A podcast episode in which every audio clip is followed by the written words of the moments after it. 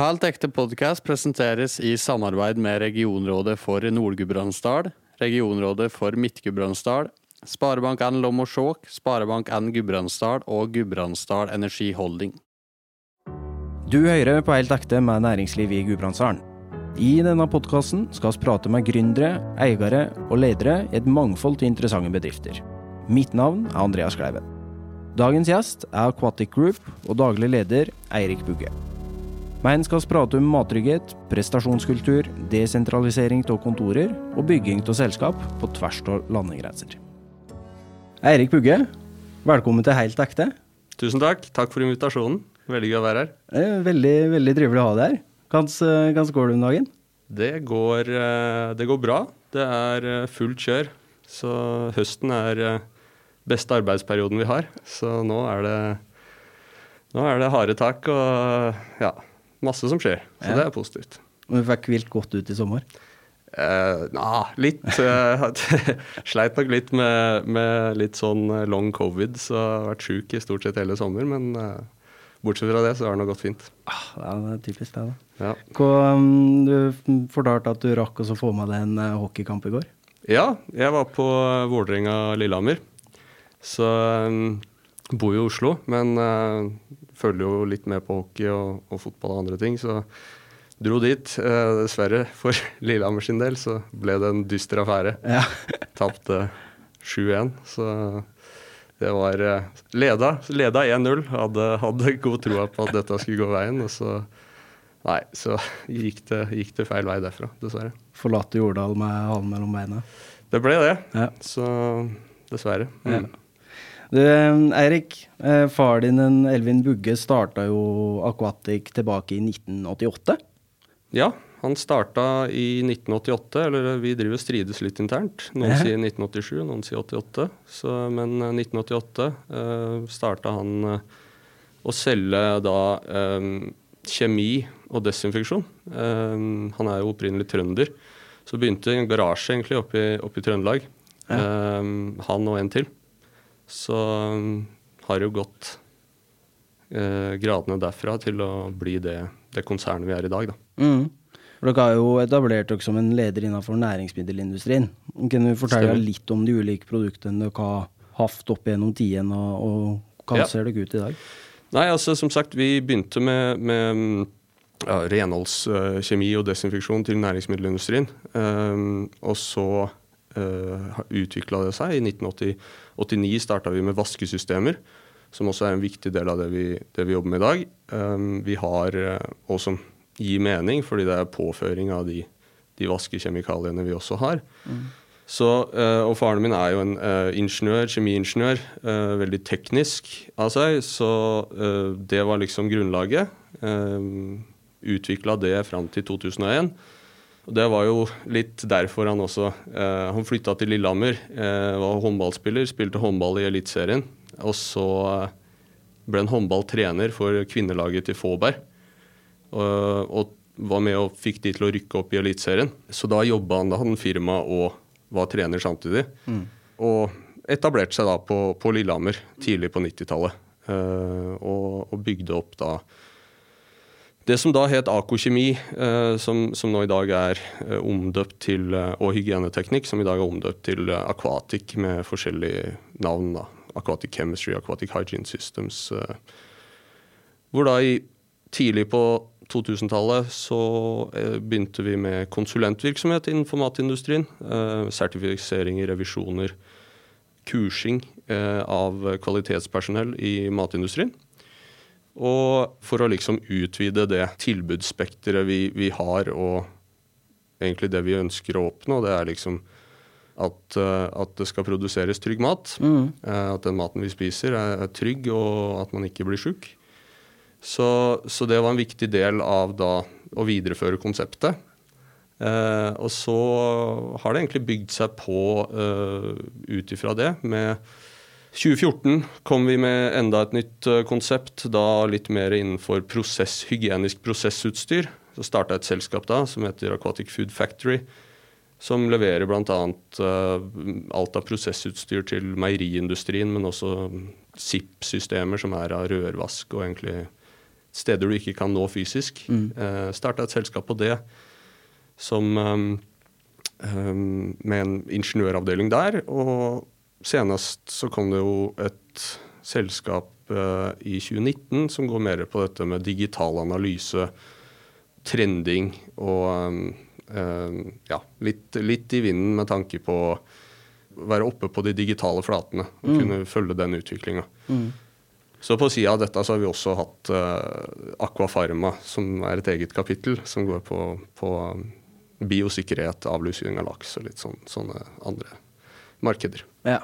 Jeg skal komme litt tilbake til, til noen av delene i forretninga der. Um, når far din starta dette, han fortalte litt om hva, hva som var bakgrunnen? For han sett et behov? Ja, altså faren min er jo uh, som sagt utdanna kjemiingeniør. Uh, og uh, var flink på Jeg vil si Han har alltid vært litt sånn kremmer, flink på salg, og så et behov i det markedet for, for å utfordre eksisterende aktører. Og når han starta opp, så var det veldig eh, jeg vil ikke si ville vesten, men det var, sånn, det var ikke så mye regulatoriske forhold på det å drive med kjemi og desinfeksjon, som heldigvis i dag er det masse regulatoriske forhold på det. Um, som gjør at du må ha sant, sikkerhetsrådgiver og, og, og sertifiseringer og, og, disse tingene. Eh, og så ble jo den bransjen konsolidert eh, gjennom 90-tallet og tidlig 2000, hvor egentlig vi var en av de som konsoliderte. For faren min hadde da agentur for noen produkter i Trøndelag og kall det Oppland, eh, Hedmark. Mm. Og så kjøpte han opp bit for bit egentlig de andre agenturene rundt om i Norge. Helt fram til 2015, hvor vi kjøpte opp det siste, og konsoliderte egentlig hele alle disse AKO-selskapene, som det het da, til eh, ett AKO-kjemi. Eh, så rebranda vi alt det i 2017 til Aquatic-konsernet, som er i dag. Ja. ja. det er en fantastisk eh, historie med både oppkjøp og organisk vekst. Um, du var jo litt inne på det der med mattrygghet. Uh, dere uttaler dere jo i det at um, det skal være menneskerett å få bakteriefri mat på tallerken. Ja. Kan du ikke utdype det litt? Jo, altså, eh, vi mener jo det at uh, dette med mattrygghet, det er, det er ekstremt underkommunisert i, i media og, og, egentlig i verden. Det er over 600 millioner mennesker globalt som blir syke av mat hvert eneste år. Og ca. en halv million som dør av maten de spiser. Uh, og det mener jo vi er Ja, det, det, det, er ugreit, rett og slett. Og det er noe vi, vi ønsker å jobbe for å, for å for å få så nære null som absolutt mulig. Eh, så det mener vi at definitivt er en menneskerett å spise trygg mat. Eh, og det er også dessverre sånn at det er de svakeste i samfunnet som blir påvirka av eh, usikker mat. Unge, gravide, eldre. Så det er definitivt et, et stort ansvar vi har, sammen med selvfølgelig kundene våre, som har det endelige ansvaret. Men vi, vi ønsker jo å hjelpe dem så godt vi kan da, for å kunne produsere trygg, ansvarlig mat. Og det vi også ser er at Hvis de gjør det, har stort fokus på det, så er de også mye mer lønnsomme. For da øker holdbarheten. De får uh, trust, som det heter på nynorsk. de får trygghet. Og uh, ja, ikke minst nå når du ser media er ute og det er tilbaketrekninger osv., hvor skadelig det er for merkevaren da, til, til alle disse relativt store aktørene i Norge. Så det, ja, mattrygghet mener vi er, det er en menneskerett, og det skal det være. Ja, altså, Veldig interessant det du sier, da, og kanskje det blir ekstra tydelig i de tidene vi er inne i nå, med høye kostnader, du har en krig som påvirker leveranser. Ja. Det er jo interessant det med at dere mener du faktisk ser besparelser av å sette fokus på det. Ja, veldig. Eh, store besparelser også, faktisk. Um, næringsmiddelindustrien er globalt den industrien som står for jeg tror, står for 30% av alle globale utslipp. Altså matproduksjon generelt. Så her er det mye vi kan gjøre. Uh, og vi jobber jo mest med fabrikksida. Uh, og så har du andre kule selskaper i Gudbrandsdalen nå, Fjøssystemer bl.a., som jobber mer mot landbrukssida. Men altså, sammen så kan vi gjøre ekstremt store forskjeller for å få ned både, både energiforbruk, øke bærekraft og øke lønnsomhet, ikke minst. da med tanke på det er et veldig høyt energiforbruk som man kan effektivisere med eh, mer effektive vaskeanlegg. Du kan resirkulere kjemikalier gjennom SIP-systemer, som vi har, så det, går, så det, ikke går rett i sluket, men du kan gjenbruke det. Eh, du kan optimalisere uh, type kjemikalier, og du kan substituere type kjemikalier til å bruke kjemikalier som er mer miljøvennlig, uten at det går på bekostning selvfølgelig av mattryggheten som ligger i bunn. Så det er veldig mye man kan gjøre. Og um, det er satt veldig fokus på nå. Uh, og spesielt det med vann og energiforbruk er jo løsninger vi har, hvor kundene kan spare veldig mye penger. Det er bærekraftig, og det er lønnsomt. Og det er klart når du tikker de tre boksene der, så, så, har du noe ganske spennende å kunne, kunne gå ut i markedet med. Da. Ja, definitivt.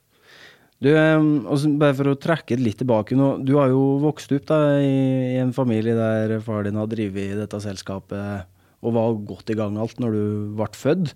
Og så kom du inn i selskapet alt mens du gikk på studien, og, og ble jo veldig tidlig òg leder i selskapet. Hva, Sett tilbake, hva, hva er det jeg, jeg, har hørt at du har hele veien vært veldig ivrig på å gå inn i familieselskapet. Hva, hva er det som har gjort det?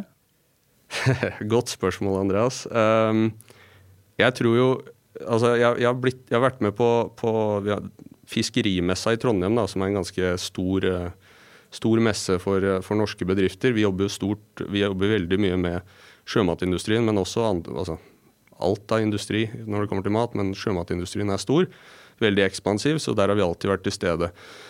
Og jeg har vært med på messe der siden jeg var ti år gammel. Ja. Eh, servert kaffe og snakka med kunder både på norsk og engelsk. og eh, på en måte vært aktiv, da. Ja. Eh, og syns veldig, fra veldig tidlig alder at dette var artig. Mm. Eh, søs, jeg har tre søsken. Eh, de òg har gjort det samme, men de for dem så holdt det med ett år. Ja. Eh, jeg har vært med nå, nå er, jeg, nå er jeg 28, og så er, er, jeg nå på 18 året på den messa, så, så det er jo litt artig. Um, nei, det, men det har alltid vært veldig interessant, og jeg syns det har vært spennende og ja, inspirerende. Eh, faren min Elvin har involvert meg også veldig, veldig mye. Um, tatt meg med på turer uh, og, og satt meg inn i drifta uh, fra veldig ung alder.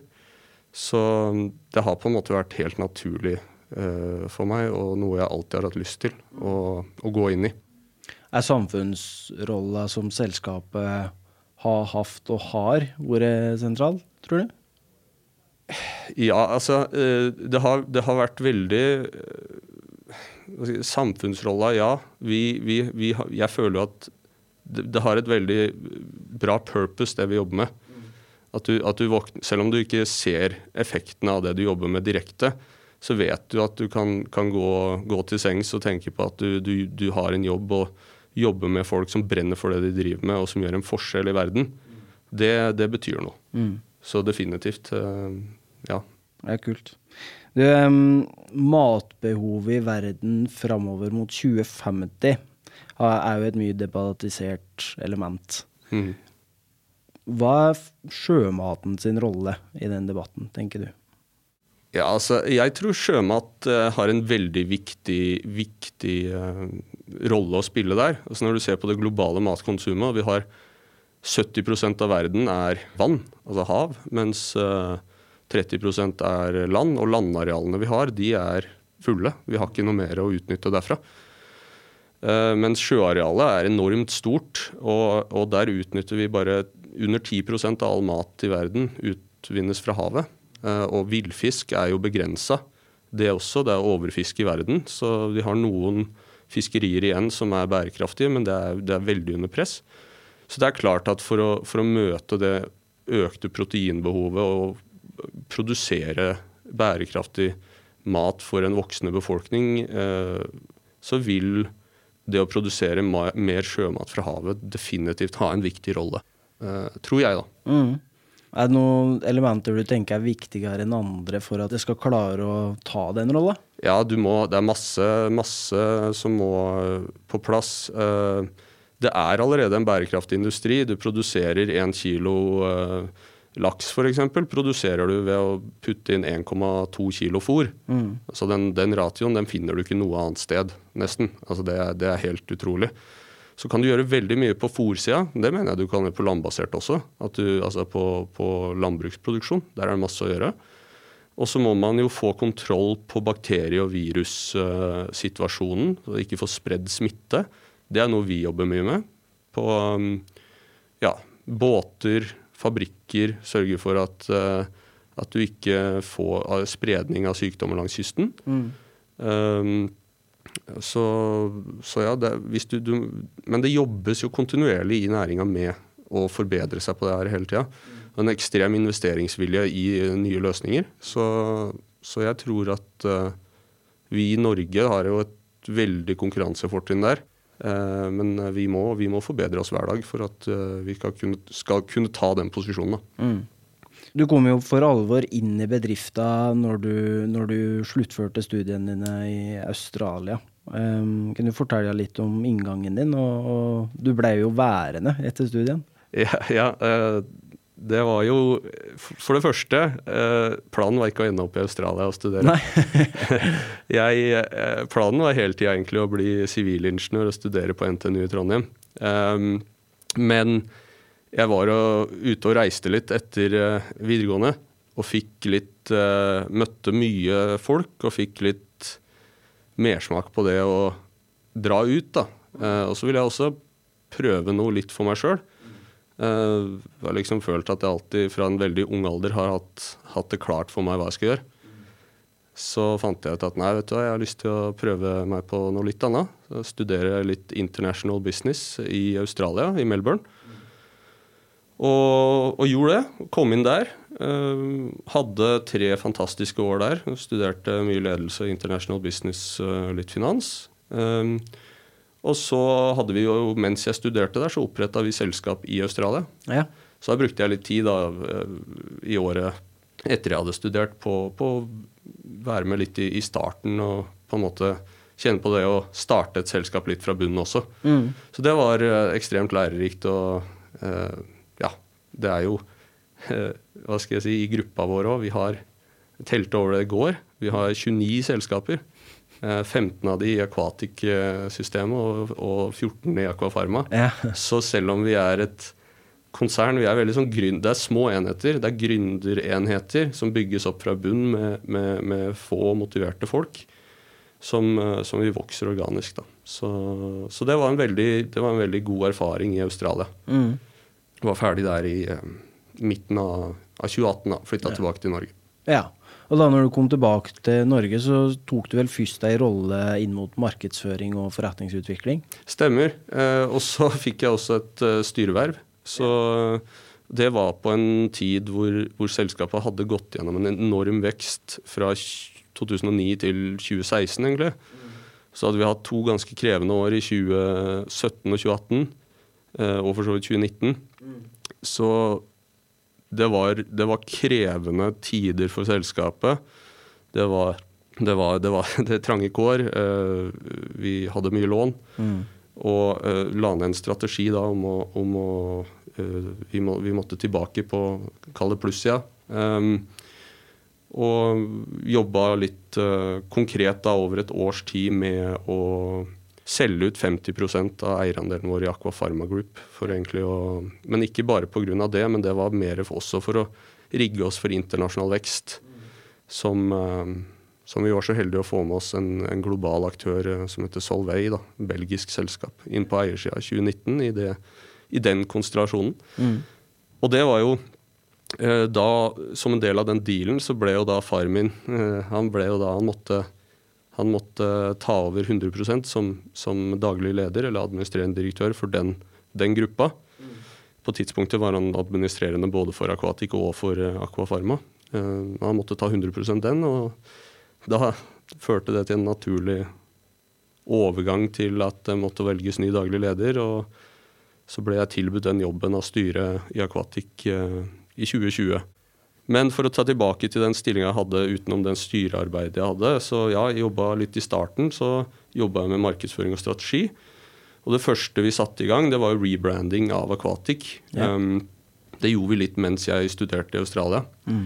Og da, som en del av studiene mine, så lærte jeg veldig mye om dette med sant, code of conduct, verdier, misjoner, visjoner. Mm. Og satte egentlig i gang de prosessene, da. Uh, som kanskje, sånn som faren min, som er med, han er ekstremt opptatt av å utvikle produkter og tjenester. Sånn kremmer, ikke sant. Eh, så tenkte jeg litt mer at når vi får på plass noen strukturer rundt, rundt eh, alt vi, vi, har bygd opp, da. Ja. Så da, da, ble det en rebranding. Samla alt under ett navn, um, som vi også fikk trademarka internasjonalt. Uh, vi fikk på plass uh, code of conduct, vi fikk, fikk, på plass verdier, misjoner, visjoner. Mm. Um, og, og, som også var ekstremt viktig på det tidspunktet fordi at vi hadde slått sammen en del selskaper. En del, masse forskjellige kulturer med forskjellige måter å jobbe på. Og da fikk vi på en måte samla oss eh, under én identitet. Og det tror jeg er ekstremt viktig. Da hadde dere et stort selskap allerede med masse folk, og så skulle ja. dere da trene opp alle de folkene i en etablert strategi, et etablert budskap. Hva, hva var den delen av prosessen? Det var eh, ekstremt det var veldig spennende og veldig artig å jobbe med. Uh, men det, var, det, det, er klart at det er litt, uh, litt gnisninger også når det er forskjellige kulturer uh, som skal sammen. Men, men, det er jo en av de viktigste tingene, sånn jeg ser det, som for et selskap og, og, og som leder, det er også å sette en veldig tydelig vei på hvor du skal, hva vi vil oppnå. Og få folka dine til å identifisere seg med det. At dette er noe de har trua på, dette er noe de vil jobbe med. Um, så, så, jeg vil si at Og det, har, det, det, det, mener jeg at vi har fått til. Og det er selvfølgelig masse igjen å gjøre der. Men uh, vi er på en veldig god vei. Og jeg syns det er gøy når visjonen vår den er what it takes. At vi skal gjøre det som skal til. Uh, og det er ikke det samme i dag som det er i morgen. Nei. Så det er veldig artig når jeg får en snap uh, midnatt på en lørdagskveld av en kollega som er ute på en fabrikk og, øh, og demonterer maskiner og, og, vasker og hjelper kunden, og så skriver 'what it takes', ja. da tenker jeg at da har du, da har du lykkes da, ja. i, i, det arbeidet. Det er, noe, det er, noe, de ansatte kan identifisere seg med. At vi skal gjøre det lille ekstra. Både for, øh, for Aquatic, men også for kundene og for, og for våre kollegaer. Mm. Så, så, det er jo inspirerende. Det er, det er, gøy å være leder når du har øh, sånne ansatte, ja. sånne kollegaer. Det er jo, mm, som du er inne på, så var far din idrettsmann. Du mm. er jo selv en, eh, har jo sjøl vært, og er jo fortsatt aktiv òg, eh, kanskje?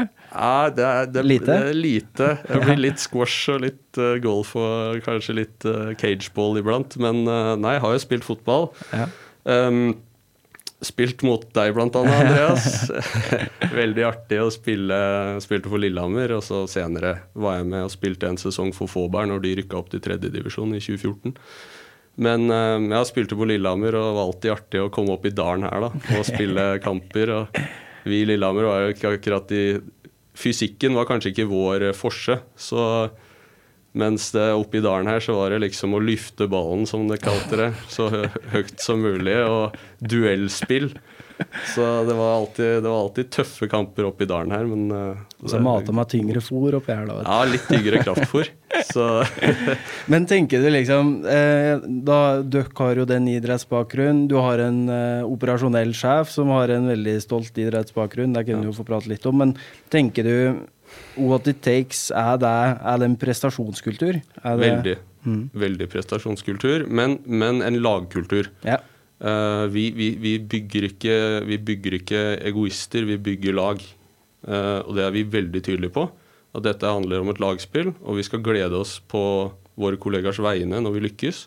Og um, det, er, det, er, sammen vi får til de gode resultatene, ikke hver for oss. Mm. Men det er definitivt en prestasjonskultur, og vi, vi feirer når vi lykkes. Og så går det en litt sånn jævel i oss når vi, når vi ikke lykkes, men, men da, da, er vi konstruktive, og så er vi opp igjen på hesten dagen etterpå.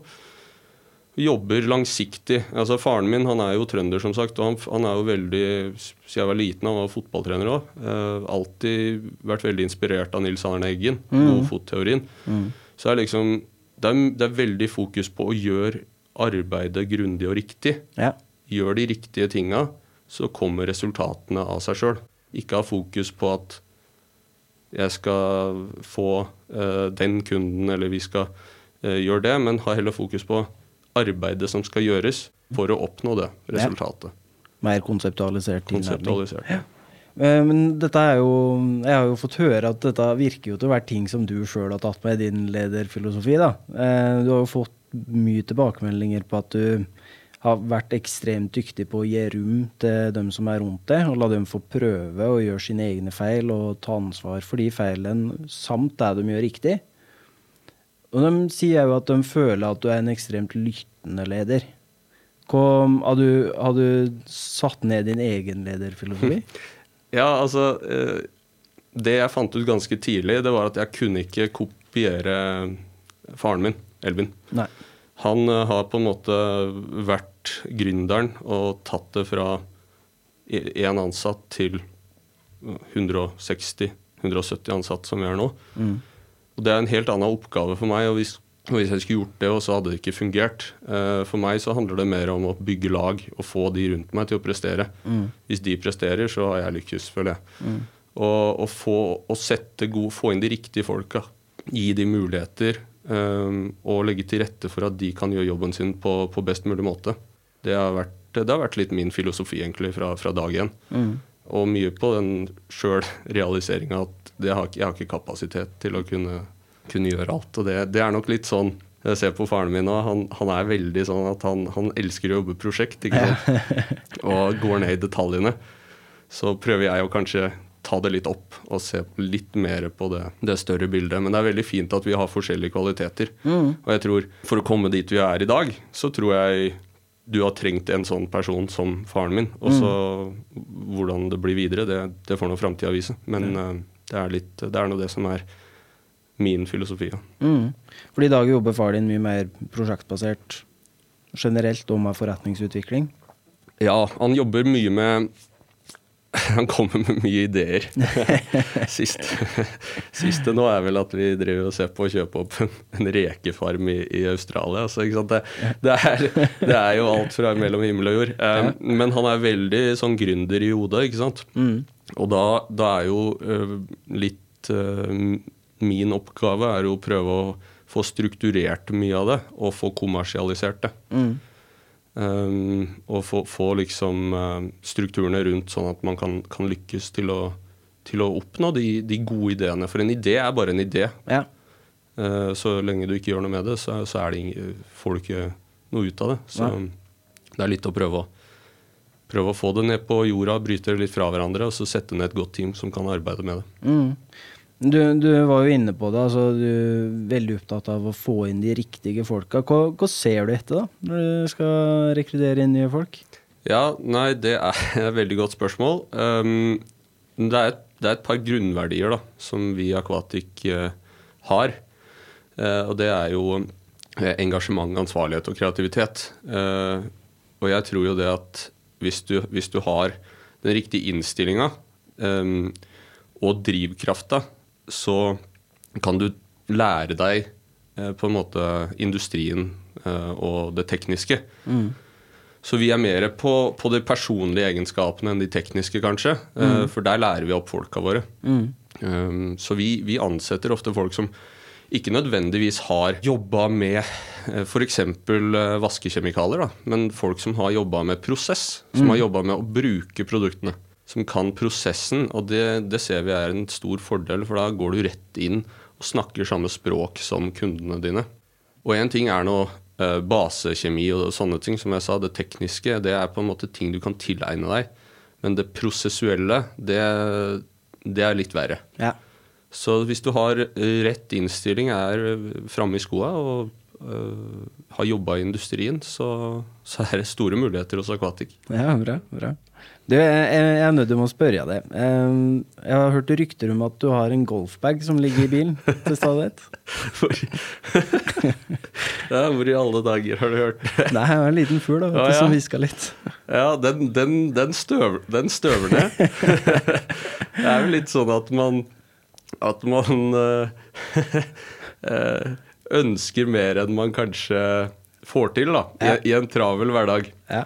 Så øhm, jeg begynte å spille litt golf øh, under pandemien. Jeg måtte ha noe hobby, tenkte jeg. Så hadde noen kompiser som begynte med det. og Så tenkte jeg at det må må prøve. Og så, så, er jeg nå ute og farter mye, da. Så jeg kan kalle det litt latskap òg. At jeg ikke gidder å ta ut denne bagen av bilen. Så den ligger nå der.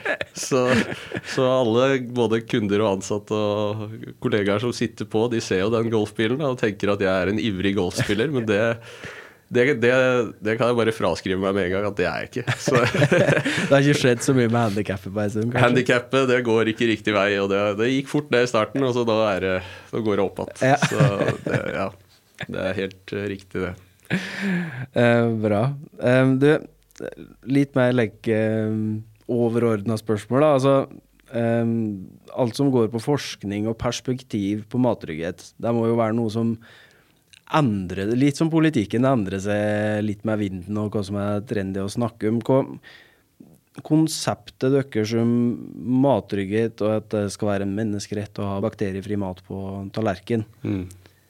er det vanskelig å liksom klare å helle fast på det konseptet, samtidig som du må jo evne å endre kursen litt hele veien, da? Ja. Eh, veldig godt spørsmål, Andreas. Fordi det er jo, eh, som du sier eh, veldig ofte at man havner i litt sånn integritetsmessig vanskelige situasjoner. Mm. Uh, hvor man opplever at ja, noen kunder man kanskje du har, du har, alltid seriøse og useriøse aktører, men uh, det, er veldig, det, er veldig, vanskelig integritetsmessig å kanskje møte Nå er ikke det en stor issue i Norge, men i utlandet så kan det være det. Du møter aktører som ikke tar det seriøst. Ja. Som tenker kortsiktig profitt over langsiktig verdiskaping. Mm. Og det er krevende. Så i de tilfellene så, så er vi ganske firkanta på å holde tak i vårt konsept, og da sier vi at det er nok ikke vi riktig samarbeidspartner mm. eh, å gå videre med. Så selv om det er veldig synd, for, for, at vi skal kunne oppnå det, eller for at kundene skal oppnå det vi vet funker, så er vi nødt til også å ha den tilliten til at vi kan gjøre en jobb sammen. Mm. Og hvis den tilliten ikke er der, så er det bedre å finne en annen leverandør. Ja. Er det sånne etablerte kulturforskjeller som, som, er noe av det mest utfordrende med å jobbe såpass på tvers av landegrenser som dere? Kulturforskjeller er, er, det overalt, og det er noe jeg syns er mest spennende med jobben også. Eh, så vi er jo etablert i ti land, så jeg får jo oppleve kulturer fra Chile til Australia, New Zealand, mm. USA, Canada. Skottland, altså det, det, Sverige, Danmark. Det er, veldig, det er veldig store forskjeller. Til og med internt i Skandinavia skulle tro at nordmenn og svensker og dansker tenker likt og gjør business likt. Det er helt feil. Ja. Det er store forskjeller. Uh, men det er, hva, hva, er forskjellen? Nei, altså vi nordmenn blir ofte sett på som naive. Uh, det, det, blir vi. Um, kan bli forsøkt lurt av andre. Mm. Det er ingen som liker å utnytte nordmenn mer enn dansker, blant annet. Men, men, det, men, det, er på en måte Det er bare sånn det er. Det er en annen kultur. Mm. Og det, eh, det, må man bare erkjenne, og så, og så, lære seg å jobbe med de forskjellige kulturene. Mm. Um, så ja. Mens uh, Sverige, f.eks., mer byråkrati enn i Norge. Ja. Uh, mer at alle skal være involvert i alle avgjørelser. Uh, så, så det, det, er for, det, er forskjeller. Ja. Uh, og så har du Chile, da, selvfølgelig, som er helt annerledes. Hvor manjana, som betyr i morgen, mm. det er et stort Altså, ting skjer ikke Nei. over natt. Altså, vi, eller i hvert fall jeg og Jakvatik, vi, vi, jobber litt sånn Ønsker at ting skal skje litt fort, mm. ha litt pace. men i Chile, der er, må man lære seg til at ting tar tid. Ja. Det er prosesser. Ja. Så, så det, det, er forskjellig uansett hvor du er. Men, mm. men grunnkonseptet i Aquatic det står seg, selv om, selv om de forskjellige markedene er forskjellige. Mm. Så er uh, vår uh, holdt på å si value proposition, den er den samme. Mm, mm. Du har jo brukt, brukt liksom Du har jo sagt sjøl at um, dere fokuserer på å desentralisere kontorer. Ja. ja. Det er veldig viktig for oss. Um, vi er jo et selskap i, i Norge har vi ca. 100 ansatte. Ja. Uh, og de er spredd utover hele landet. Mm. Og det er ikke noe jeg, jeg, sitter jo til daglig i Oslo, jeg er oppvokst på Løren, jeg sitter i Oslo nå. Um, og det kaller vi for distriktskontoret, for mm. der er det ikke mye folk. Det er ofte jeg er alene på kontoret der, for å si det sånn. Så vi har jo hovedkontoret er på Lillehammer. Eh, og så har vi kontorer i, eh, et i Oslo, Tønsberg, Kristiansand, Bergen, Trondheim, Stokmarknes. Vi har folk i Finnmark, vi har folk i Rør, altså Rørvik. Vi vi, er, vi er spredd rundt hele landet. Mm. Og det er mye fordi at næringsmiddelindustrien, og industri generelt, vi jobber ikke bare med næringsmiddel, men industri, mm. den er ikke innafor Ring 3 i Oslo. Nei. All produksjon i Norge foregår i distriktene. Og da har vår, da er vår um, strategi vært det at vi skal være nære kunden. Mm. Uh, og det tror jeg, selv med digitale løsninger og uh, fremtiden går mot mer digitale løsninger, tror jeg det å være nære folk, det vil, det vil aldri gå av moten. Så, så, det skal vi fortsette med. Og desentralisere til krampa tar oss. Men det er jo sikkert en viktig del, fordi dere har jo vært tydelige på at Norge er og skal være hovedmarked. Så den biten der må jo være ekstremt viktig i forhold til den strategien, da. Ja, altså Norge, Norge er i hvert fall det, det, er jo her eh, teknologien og utviklinga skjer og har skjedd historisk. Mm. Eh, det er vårt største marked. Om det er det om ti år, det vet jeg ikke. Nei. Det kan godt være at det er Australia, som er et mye større marked. Um, men uh, jeg tror jo at Norge vil være Det vil jo være den teknologien og utviklinga vi gjør her, vil, som vi skal ta ut i verden. Da. Mm. Og det er jo det som er neste kapittel i Aquatics historie nå. Det er jo å internasjonalisere virksomheten vår, skalere internasjonalt. Og der har man konkurransefortrinn med å være både fra, fra Norge, men også sant, Gudbrandsdalen. Og du er Norge blir sett på internasjonalt ekstremt uh, positivt, som kvalitet. Mm. Uh, og når vi kommer liksom, ja, Vi er fra Norge, og næringsmiddelindustrien i Norge har et høyt uh, er anerkjent. da. Ja. Så er det liksom eh, Og de har store problemer internasjonalt med listeria og E. coli og salmonella og disse tingene. Og det, mm. Når du kommer fra Norge, så er det på en måte, da har du allerede et konkurransefortrinn der. Ja. Um, og så kan man jo si sånn Ja, hva med, hva med Gudbrandsdalen, liksom? Ja. Ja, men internt i Norge så er det jo litt sånn uenigheter eh, mellom regioner. Ja. Sånn rivaleri, da, for å si det sånn. Men det er ikke så mange som er rivaliserende med gudbrandsstøler. Så det er egentlig ganske fint. Ja. sånn som trøndere og bergensere eller ikke sant. Det er liksom alltid litt sånn rivaliseringer. Eller oslofolk og bergensere eller eh, eller oslofolk og trøndere, eller you name it. Men ja. gudbrandsdaler, det er liksom Det er, ikke, det, det er, det er joviale folk. Ja. Så så det, det, det, altså det, det, er, det funker. Og, og, jeg vil også sånn anbefale andre folk da, som har en idé, for det er jo ikke akkurat vanlig at en bedrift som Aquatic har etablert seg på Lillehammer. Nei. Men vi har fått det til. Og det håper jeg kan inspirere andre til å tenke at det er mulig, ja. selv om du kanskje ikke er lokalisert uh, altså akkurat der uh, det skjer. da. Mm. Men hvis jeg får utfordre deg litt på den, da, er det er det mot alle odds? Eller er det sånn at du ser viktigheten av å være lokalisert på Lillehammer? Altså, du ligger jo Du er nærme Oslo. Mm. Du, er nærme, du, er, du, ligger i en sånn transportåre. Mm. Eh, så sånn sett så ligger du ganske strategisk til. Men det er klart det er litt mot alle odds. Eh, og i hvert fall eh, altså, Nå har vi lyktes veldig i frukt og grønt og kjøtt og, og, og kyllingindustrien også. Men det at vi skulle lykkes så til de grader i sjømatindustrien f.eks., det å være etablert på Lillehammer, det er jo mm. litt uh, mot alle odds, da. Men så er vi jo igjen desentralisert, med mm. kontorer og folk ute i distriktene. Ute langs kysten. Mm. Så, så, sånn sett så gir det mening. Eh, ja, for dere har jo en viktig rolle i forhold til en del innlandsindustri òg? Eh, ja, det har vi jo. Eh, vi, vi, er, vi, er, jo um, vi har jo jobba tett med, med, industri og næringsmiddelindustri i Gudbrandsdalen bl.a. Uh, så vi har jo hatt og har kunder som ikke sant, uh, Tine Dovre, Tine Frya, uh, Tine Brumunddal og, og Annis pølsemakeri her, alle ja. ting. så ingen er for store, ingen er for små. Vi, vi hjelper alle, vi.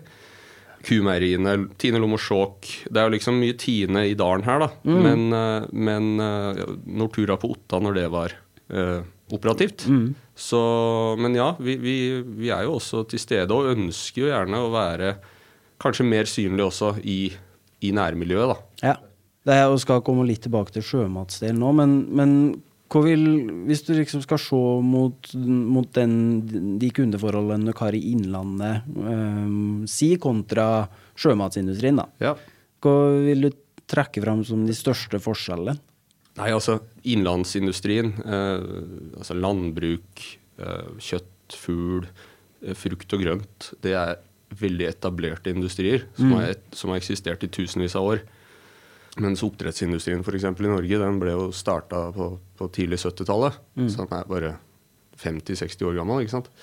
Så det er på en måte en industri som ikke helt har satt seg ennå, sammenligna med den industrien i Innlandet som er veldig satt. Så det er nok mer etablerte industrier her som gjør at um, det er definitivt investeringsvillighet, men det, kanskje, det tar kanskje litt lengre tid å ta investeringsbeslutninger, da, Ja. sammenligna med sjømatindustrien, som, som også selvfølgelig må tas med i, i, um, i uh, ligninga her, at de har tjent voldsomt med penger Ja. eh, i de siste 20 åra, i hvert fall. Som, um, som gjør at de har hatt de mulighetene, da. Mm. Mm. Hvis vi selger oss til innlandsindustrien, har du sett noe merkbar endring i forretninga de siste årene? Nei, altså det, merkbar endring det er at det er en industri som um, De må også investere. Ja. Og de òg må rigge seg for framtida, fordi forbrukerne de, er, de endrer preferanser. Og industrien må komme med produkter som følger trender. Så, så det, det kommer jo investeringer hele tida, på løpende bånd, som, eh, som er positivt å se. da. Um, og viktig for sysselsetting også i Gudbrandsdalen. At du på en måte får uh, har den innovasjonen. da. Fordi hvis vi bare skal gjøre ting som vi har gjort i alle år, så vil denne fraflyttinga og sånn, den vil bare øke. Så du er nødt til å investere i, i ny produksjon, nye produkter, nye arbeidsplasser. Og tørre å satse. Mm. Det, det er ekstremt viktig. Ja. Det, jeg har jo forstått at alt med synliggjøring og, og markedsføring er jo en viktig del av forretninga deres. Og dere er jo svært etablerte på veldig mange store konferanser både i Norge, men utafor uh, Norge. Men i det, det vi prater om nå, da, har, ser du det som at Aquatic har ei samfunnsrolle uh, for å drive fram den investeringsvilja? Ja, altså eh, Vi har jo en samfunnsrolle i det at vi som en ledende leverandør, og det skal vi fortsette å være, og helst ja, ta nye steg hele tida, Ja. utvikle produkter og tjenester som gir større og større konkurransefortrinn til norsk industri. Mm. Så definitivt har vi et stort samfunnsansvar der. Det føler jeg vi tar, det tar vi veldig seriøst. Vi investerer store summer i forskning og utvikling. Eh, nye produkter. For å liksom ja, ta den eh, For å ta det ansvaret. Mm. Når vi er inne på det med forskning, du kan jo drive et samarbeid nå med, med Kjeller Innovasjon. Kan Stemmer. ikke du fortelle litt om det? Jo, um, er igjen, eh, vi har mye flinke folk i, i organisasjonen vår. Ehm, og um, så har vi gode relasjoner med uh, forskningsinstitutter og uh, ledende, ledende miljøer innenfor forskning. Mm. Og så er jo noe av det vi jobber mest med, det er jo å bekjempe listeria. Som eh, Listeria monocytogenes, som er den kanskje en av de farligste bakteriene å få i seg gjennom mat. Eh, og veldig tilpasningsdyktig bakterie for øvrig, som er vanskelig å bli kvitt. Mm. Og her er det jo litt sånn på For å utvide den rangen vi har, da, jeg snakka litt om tidligere hvordan vi har utvida tjenestespekteret vårt. Så har jo det med testing på listeria vært ganske Det har ikke skjedd noe mye innovasjoner der på mange år. Nei. Og det tar fort veldig mange dager, opptil fem dager tror jeg det tar, før du tar en prøve i fabrikken. Du sender ut til lab og får svar da, på om det er listeria eller ikke. Mm. Og da kan jo den skaden ha skjedd for lenge siden. Ja. For da er produktet ute i markedet. Så vi har nå investert i en metode som er utvikla av Veterinærinstituttet, som går på å kunne detektere listeria innenfor 24-48 timer. Da, som er ekstremt mye raskere enn det som har vært tidligere. I tillegg til at du ikke trenger å sende det til lab, du kan gjøre det on site på fabrikk. Både kvalitativt og kvantitativt. Så den er nå, eh, Sluttvalideringa er nå. Vi får svar i, fått svar i neste uke fra, fra Camden Bree i, eh, i Storbritannia. Og går alt som vi tror det skal, så er da produktet klart for, eh, for kommersialisering i løpet av eh, ja, eh, seinhøsten. ja, spennende. Um, avlusning har jo vært et uh, svært hva skal jeg si, et, et, interessant tema, et debattert tema skal jeg si de siste 15 årene, 20 årene kanskje. Mm. Um, og dere har jo vært en sentral aktør her òg? Ja, i hvert fall det datterselskapet vårt, da, mm. Aqua Pharma, som det er jo faren min som leder det selskapet i dag. Mm. Nå eier vi bare 50% av det. Så det behandles jo litt mer som en finansiell investering fra vårt ståsted akkurat nå. Mm. Så, men ja, det, det, vi har vært med litt uh, i den bransjen siden 2009. Med diverse uh, produkter og, og, tjenester. Ikke bare avlusing, men også med tanke på gjellehelse.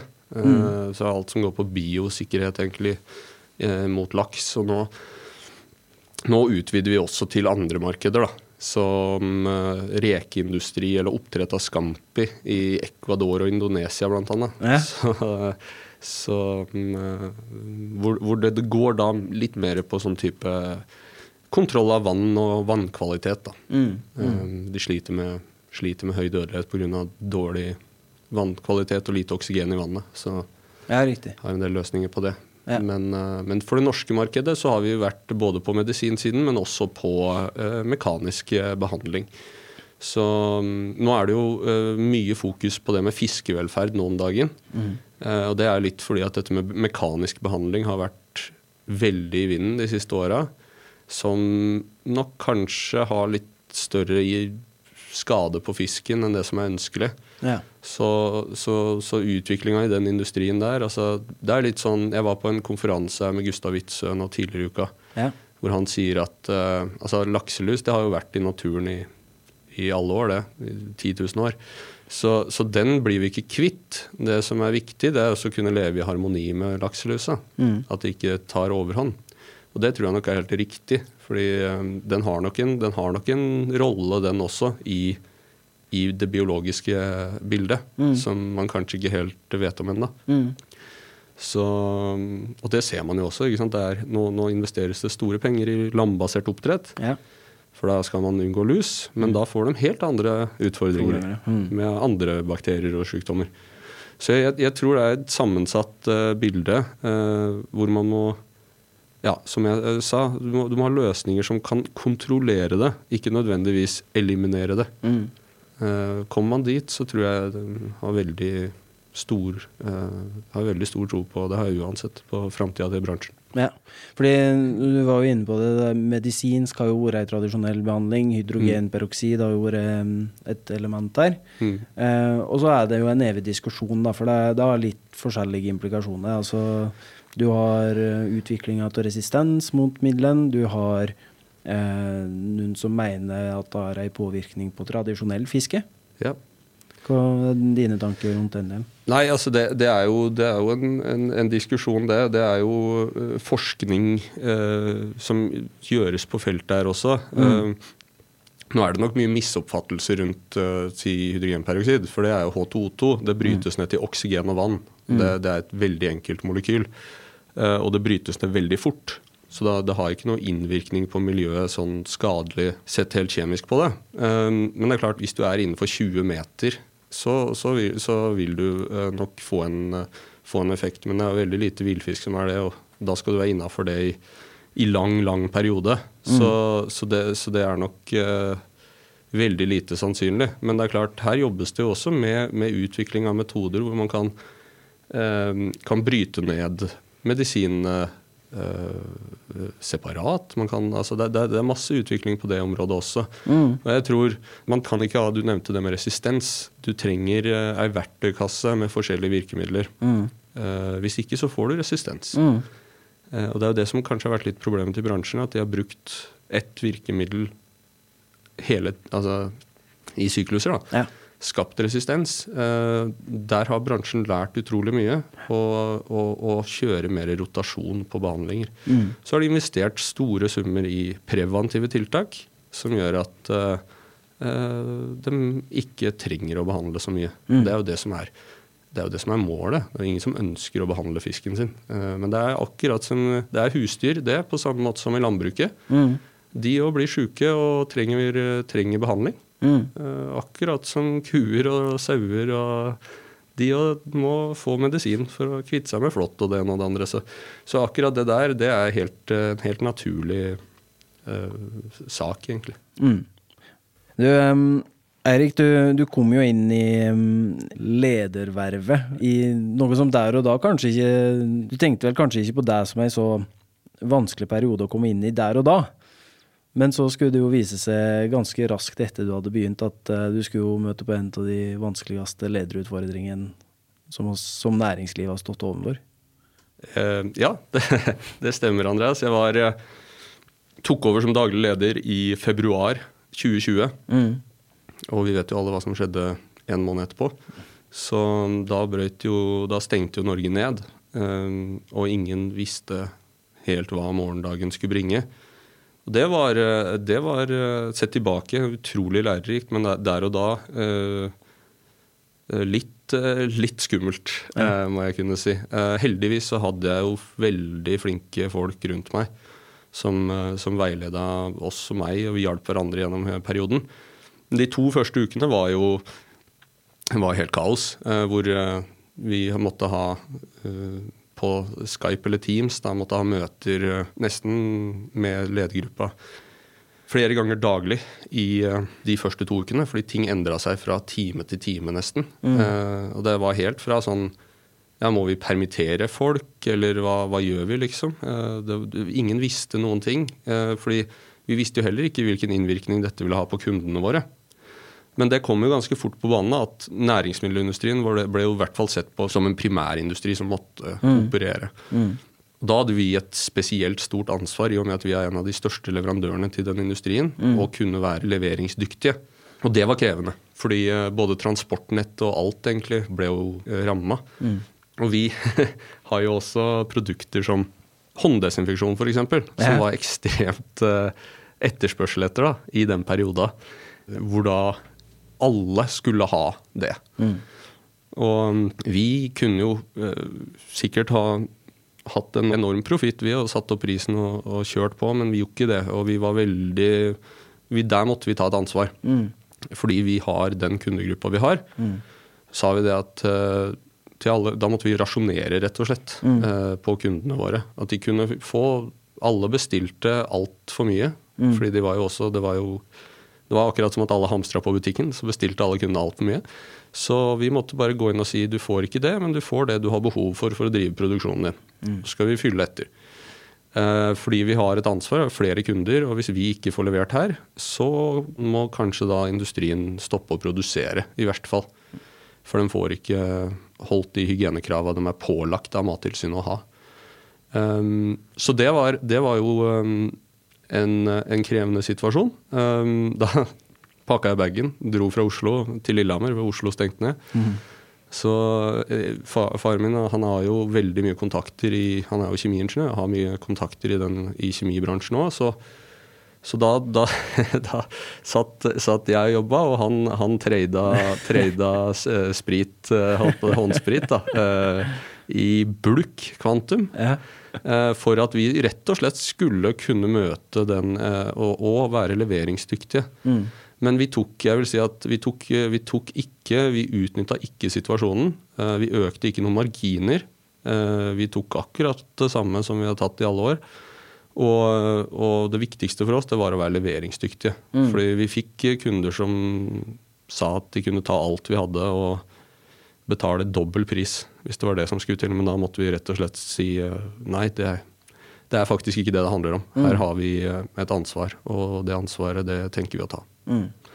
Og det var liksom én av utfordringene. Og så har du selvfølgelig en enorm digital omstilling på mm. alle de ansatte. Uh, som sett i ettertid var positiv. Fordi det har gjort at vi nå kan samarbeide mye bedre.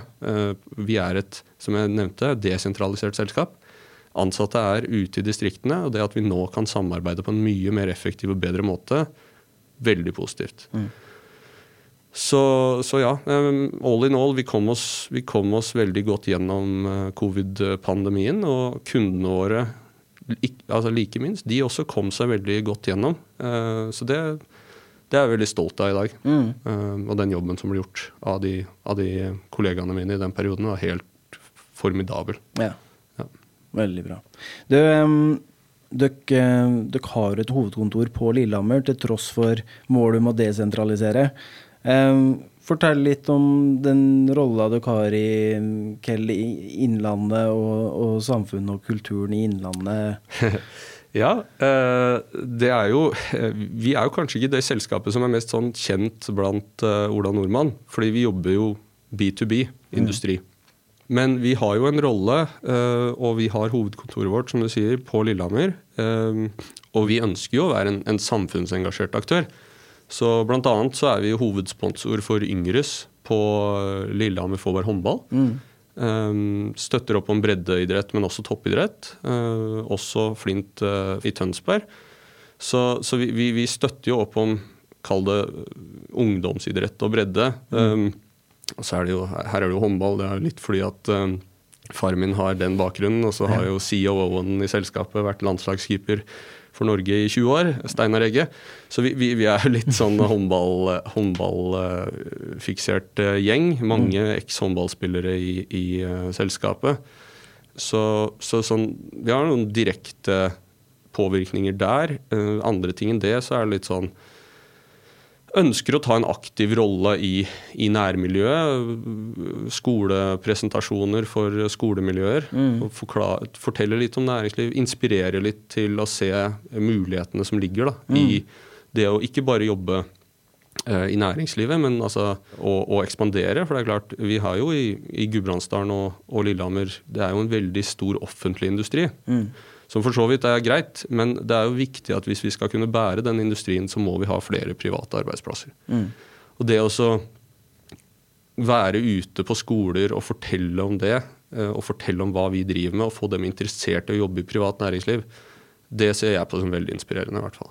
Um, og så har nok uh, vi en vei å gå med mer samarbeid med politikere, fordi vi ønsker gjerne flere, spesielt yrkesfaglærte, på Lillehammer, men det er en ganske spesiell eh, Vi trenger litt sånn type næringsmiddelmekanikere og sånn. Mm. Det har de ikke noe utdanning for. Så der må nok vi være um, mer proaktive for å prøve å få lagt opp til at politikerne vil investere i sånne type utdanningsløp. Som næringsmiddelindustri er jo Norges største fast altså landbaserte industri. Og det er egentlig litt rart at vi ikke har mer, altså mer utdanningsretninger knytta direkte mot det, mm. Eh, når det kommer på det. Ikke på det teoretiske, men på det yrkesfaglige. Ja.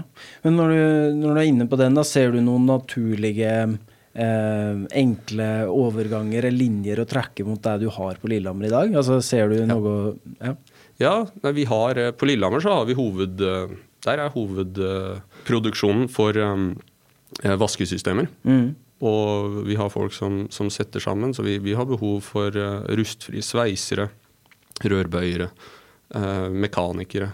Mye sånn type jobber ja. som, eh, som, jeg tenker de har i enkelte miljøer i Norge. Eh, Raufoss bl.a. Vestlandet. Men litt lite av det her, her eh, i ja, Lillehammer og Gudbrandsdalen. Mm, mm. jeg vet jo dere har hatt litt skoleklasser på besøk og sånne ting. òg. hva, er mottagelsen? Eh, jeg syns vi har utrolig flott ungdom. Eh, og Mottakelsen har vært helt fantastisk. Altså de, eh, de, stiller så gode spørsmål og er så interesserte. Eh, hadde sist nå en, en klasse fra Lillehammer videregående skole avdeling sør i samfunnsøkonomi. Eh, det er utrolig givende å snakke med altså, fremtidens arbeidstakere. Da, fordi, og se hvordan de tenker. Så nei, mottakelsen har vært god. De er interessert i det vi jobber med. Og ja, jeg tror jeg tror det ser lyst ut, både for Gudbrandsdalen og Lillehammer. Ja, for Hva er det du ser som de største mulighetene for næringslivet i Innlandet framover? Nei, det er jo å, eh, altså, å, å ta de uh, mulighetene som ligger der. For jeg tror ikke det står så mye på, på mulighetene. Det står mer på initiativet. Mm. Og, og, vi har utrolig mye gode forutsetninger her i både Lillehammer og Gudbrandsdalen. Og, og jeg tror hvis vi kan motivere, engasjere også fra, da må vi ha politikere som er framme i skoen også, mener jeg. fordi det er, det er, en viktig del av det. Snakke om mulighetene og ikke bare om begrensningene, for det er vi litt gode til her eh, oppe i dalen og i Lillehammer. Det er litt for mye snakk om liksom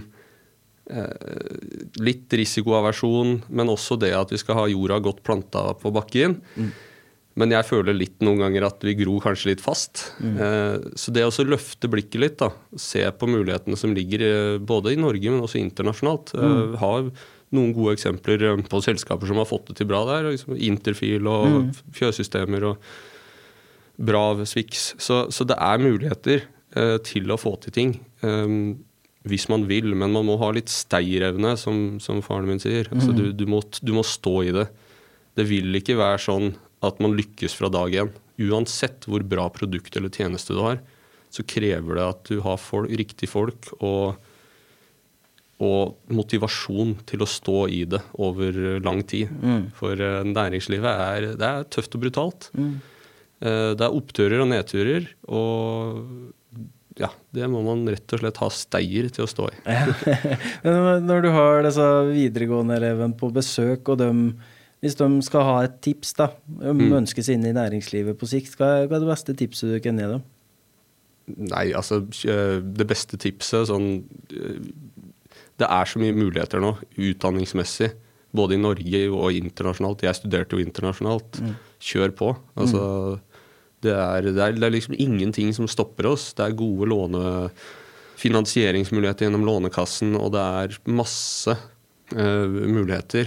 Uh, og den, den, norske industrien er jo, vil jeg si, bare i startgropa på, på å kunne ta en verdensledende posisjon. Mm. Uh, innenfor næringsmiddel, og, men også annen industriaktivitet. Så, så um, ikke vær redd for å ta utdanning eh, innenfor privat næringsliv. Altså. Det ja. tror jeg det, det, er der, eh, det, er der, fremtiden ligger. Og også for at vi skal utvikle gode offentlige tjenester, trenger vi et solid privat næringsliv. Mm. Du, det er en uh, menneskerett å få bakteriefri mat på tallerkenen sin. Betyr det noe annet om fem til ti år enn det det har gjort? Det betyr akkurat samme om 50-10 år. Det betyr det samme om 100 år, det samme om 200 år. Det, det vil alltid være vår purpose. Eh, og vi skal ikke gi oss før, eh, før det tallet på antall syke og antall døde er på null. Så det er det vi skal jobbe mot. Det er veldig bra, Erik. Aquatic har i løpet av sine snart 40 år markert seg som en eh, sentral aktør i kampen om mattrygghet. En kamp som er langt ifra ferdigspilt. Eh, vi gleder oss veldig til å følge dere videre. Eirik Bugge, og Aquatic, tusen takk for at dere var med i Helt ekte. Tusen takk for invitasjonen. Det har vært uh, inspirerende. Og takk til deg, Andreas. Og takk til deg, Sivert. Mitt navn er Andreas Kleiven, og du hører på Helt ekte med næringslivet i Gudbrandsdalen. Podkasten ble spilt inn i Innovasjonssenteret i Ringebu. Teknisk produsent var Arne Mathias Myhren. Musikken er komponert av Scarworks, og prosjektleder i Helt ekte er Sivert Rønn Sætre.